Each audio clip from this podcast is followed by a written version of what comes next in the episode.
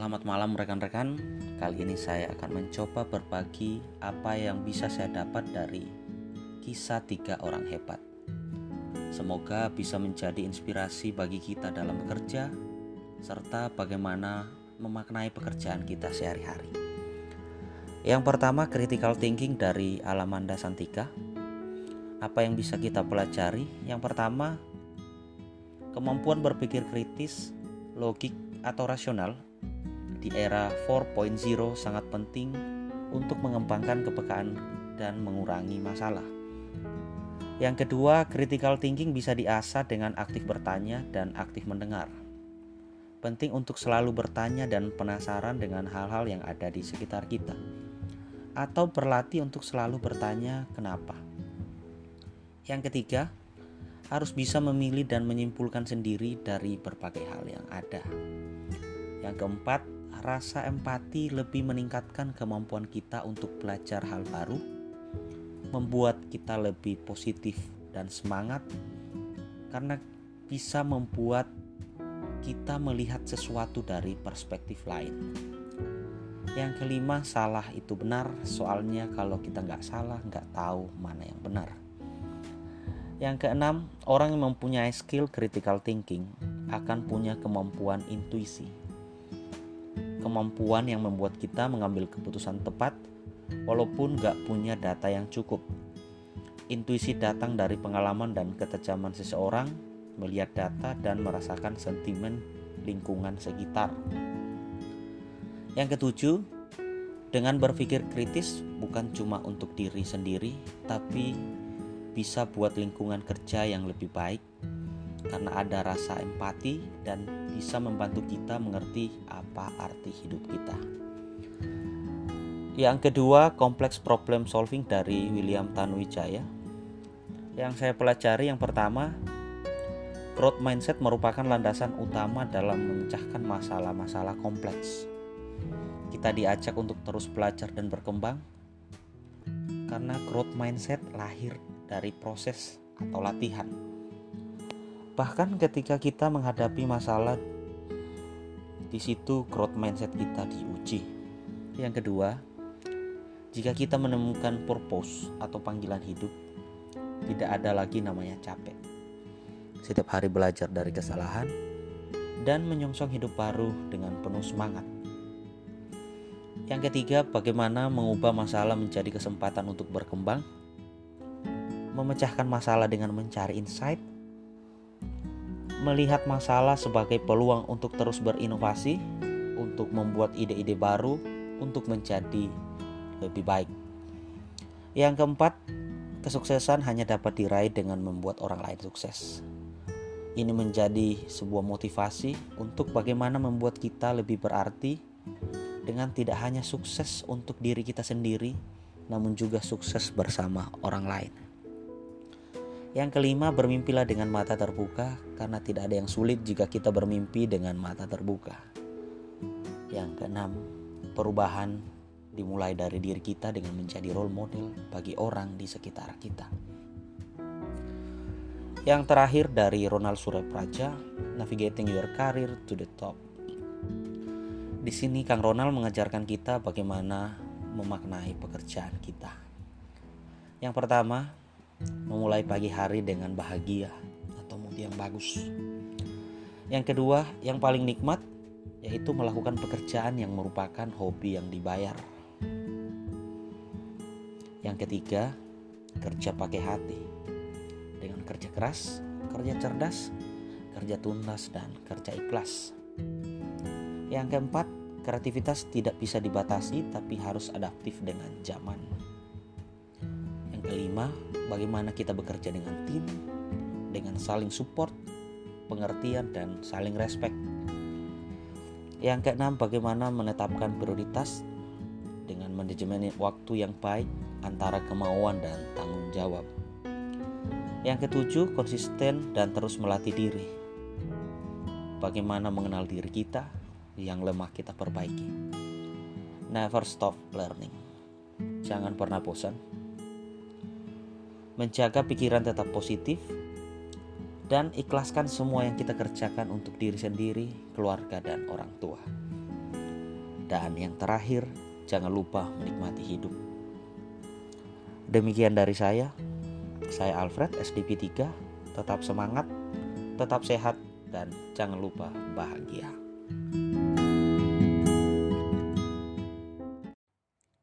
Selamat malam rekan-rekan. Kembali lagi kita belajar dari kisah tiga orang hebat. Semoga bisa jadi inspirasi bagi kita dalam bekerja sehari-hari. Yang pertama dari Aji Santoso Putro, Mindfulness at Work. Fokus pada apa yang dijalani saat ini dan sadar diri secara penuh melakukan yang terbaik untuk menuai hal yang baik di masa depan.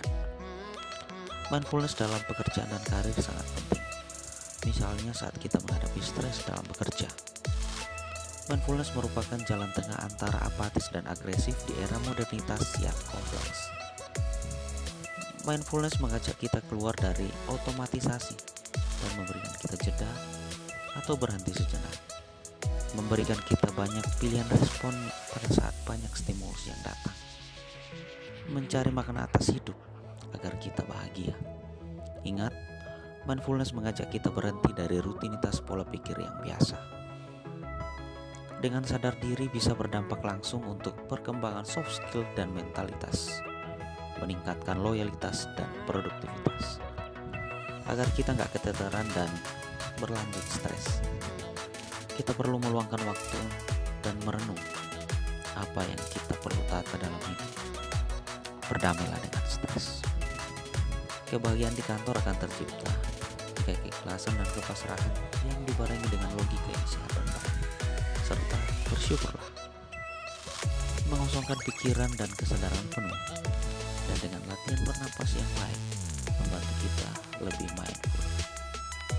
Yang kedua dari Alexander Serwijo, bahan bakar di balik kesuksesan. Yang pertama, menjalani apa yang disukai dalam hidup ini. Yang kedua, segala masukan dari lingkungan kita sendiri tahu. Pertanyaan kepada orang yang benar, mencari masukan yang membuat kita berkembang.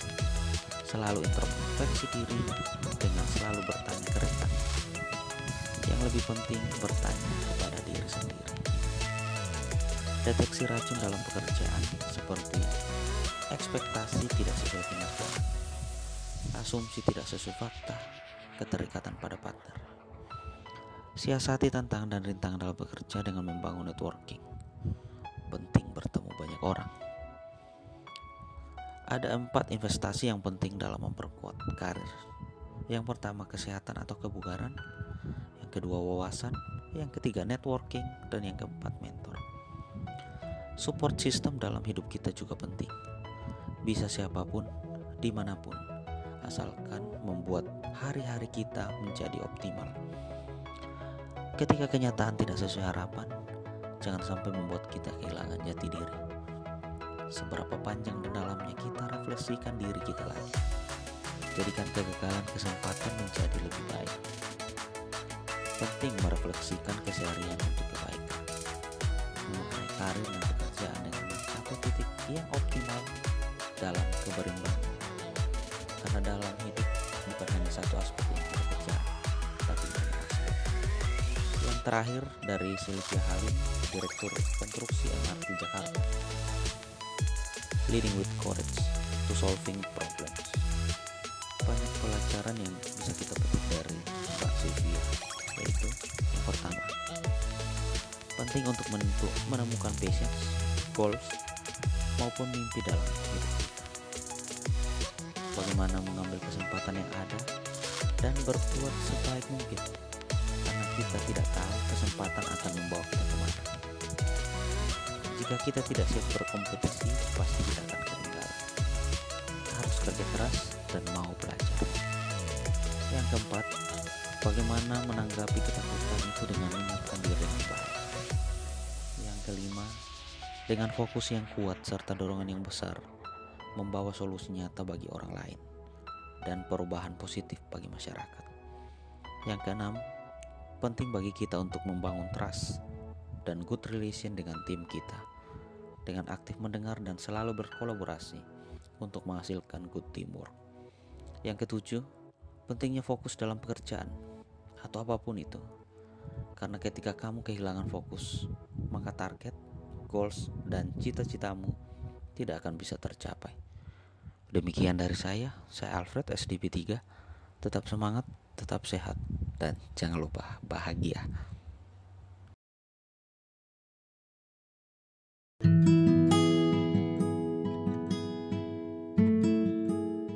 Selamat malam rekan-rekan, kembali lagi kita belajar dari tiga inspirator hebat. Semoga bisa jadi inspirasi bagi kita dalam bekerja sehari-hari. Yang pertama, Sivana Leticia. Be the CEO of your own time. Menurut Sisi, yang atur sebenarnya bukan waktu, tapi ternyata lebih kepada self management, di mana kita bisa memanage diri kita sendiri karena nantinya diri kita lah yang akan memanage waktu kita. Mau apa pun profesinya atau umur berapapun kita, self management tetaplah penting. Mbak Sisi juga mengajak kita agar dapat berkarya secara maksimal dan mengatur waktu sebaik-baiknya. Kita pun dituntut untuk selalu sedia dan pintar dalam mengatur waktu untuk mencapai keseimbangan dan kesuksesan dalam kehidupan pribadi dan bisnis. Menurut Putri Indonesia tahun 2008 ini, dengan pengaturan waktu yang tepat, siapa saja dapat memperoleh life success balance. Mudah kok, hanya dengan membuat perencanaan yang baik dan mengintip kebiasaan orang-orang produktif, kita dapat memaksimalkan setiap menit yang kita punya. Dengan membagi waktu kita menjadi empat bagian, yang pertama, contracted time atau waktu kontrak. Yang kedua, committed time yang ketiga necessary time, dan yang keempat free time. Dapat membantu kita untuk menentukan skala prioritas dalam beraktivitas. Rencanakan dulu dengan membuat list-list apa yang akan kita kerjakan. Dengan begitu, kita bisa menghitung berapa banyak sih waktu yang kita butuhkan, sehingga kita lebih siap untuk opportunity yang akan datang. Yang terakhir, carilah mood booster untuk membangkitkan gairah dalam bekerja. Yang kedua dari Ernest Prakasa, cognitive flexibility. Sebagai seorang sutradara, penulis, komedian dan aktor, setiap hari Ernest menggunakan skill ini agar selalu siap dan mampu untuk beradaptasi dalam menghadapi perpindahan dari satu pekerjaan ke pekerjaan lainnya tanpa mengurangi perhatian di masing-masing pekerjaan tersebut. Menurut Ernest, cognitive flexibility tidak sama dengan multitasking, tapi lebih kepada melatih disiplin dan membuat sistem dalam bekerja. Cognitive flexibility meliputi proses adaptasi dari kognisi, membagi waktu dengan terstruktur, memaksimalkan diri dengan sistem yang ada, Kuncinya, explore kegiatan sehari-hari dan cari sistem terbaik yang bisa mengakomodasi kemampuan kognitif flexibility kita. Selain itu, menurut Ernest, kalau kita diberi sebuah tanggung jawab dan pekerjaan baru, itu sebenarnya merupakan ajang latihan dan investasi kemampuan melatih kognitif flexibility kita. Untuk mengasah kemampuan kognitif flexibility dapat dimulai sejak dini. Kuncinya disiplin waktu menjaga core value, cari mentor figur yang bisa membuat kita berkembang. Untuk bisa beradaptasi dengan jenis-jenis pekerjaan, kita harus tahu passion dan strength dalam hidup kita. Menjaga prinsip-prinsip dan nilai yang membuat kita berbeda dan bernilai di mata orang lain. Berlatih mengerjakan tugas yang bersifat kreatif, administratif, serta memanage ekspektasi. Yang terakhir dari Ernest, mengelola waktu memang lebih baik, tapi lebih baik lagi mengelola energi yang kita pakai. Ini pas sekali dengan inspirator kita yang ketiga, Ricky Setiawan dari Impact Factory, Energy Management. Menurut Ricky Setiawan, mengelola energi lebih dari mengelola waktu. Bagaimana kita mengelola badan, pikiran, dan mengelola fisiologi. Ini di luar mengatur prioritas mana yang penting atau nggak penting. Kita bisa tahu aktivitas mana yang menambah atau mengurangi energi. Karena setiap dari kita diberi waktu yang sama yaitu 24 jam. Memberikan energi yang terbaik di setiap kesempatan sehingga bisa berdampak besar bagi kita serta orang-orang yang berinteraksi dengan kita. Untuk mengatur energi, jangan lupa mengelola badan kita sendiri dengan tiga hal. Kelola makanan. Bagaimana kita mengelola bahan bakar yang masuk ke dalam tubuh kita. Yang kedua, banyak bergerak. Olahraga sangat penting. Energi begets energi. Energi yang kita keluarkan dapat menghasilkan energi baru. Kalau mau energinya gede, kita harus berani invest melalui olahraga. Yang ketiga, istirahat Penting untuk mengelola waktu untuk istirahat. Tidur sangat bagus untuk menambah energi serta luangkan waktu untuk cuti. Demikian dari saya, saya Alfred, SDP 3. Semoga kita lebih produktif, tetap semangat, tetap sehat, dan jangan lupa bahagia.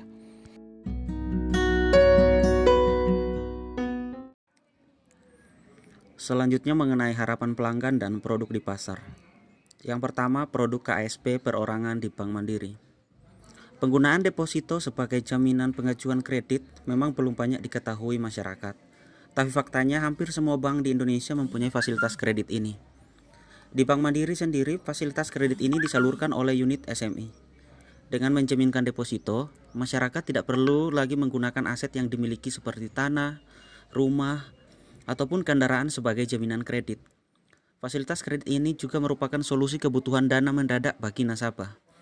Yang kedua, produk di pasar yang berkembang dengan sistem digital. Hampir sebagian besar bank di Indonesia menyalurkan kredit agunan surat berharga deposito masih secara konvensional. Tetapi seiring perkembangan teknologi, beberapa bank sudah mulai melakukan penyaluran kredit berbasis digital melalui web, seperti BNI dengan BNI Instan dan CIMB Niaga dengan CIMB Ekstradana. Yang ketiga, harapan nasabah. Saat ini jenis transaksi online yang sudah berjalan masih sebatas payment, transfer, dan pengajuan pembukaan rekening secara online. Belum optimal dalam pengajuan kredit secara online. Sedangkan fintech sudah berkembang pesat dan menawarkan kemudahan akses dan approval pengajuan pinjaman atau kredit secara online. Harapan nasabah mendapatkan akses pengajuan kredit agunan surat berharga deposito yang lebih mudah, simple, cepat, dan memberikan ketepatan konfirmasi approval.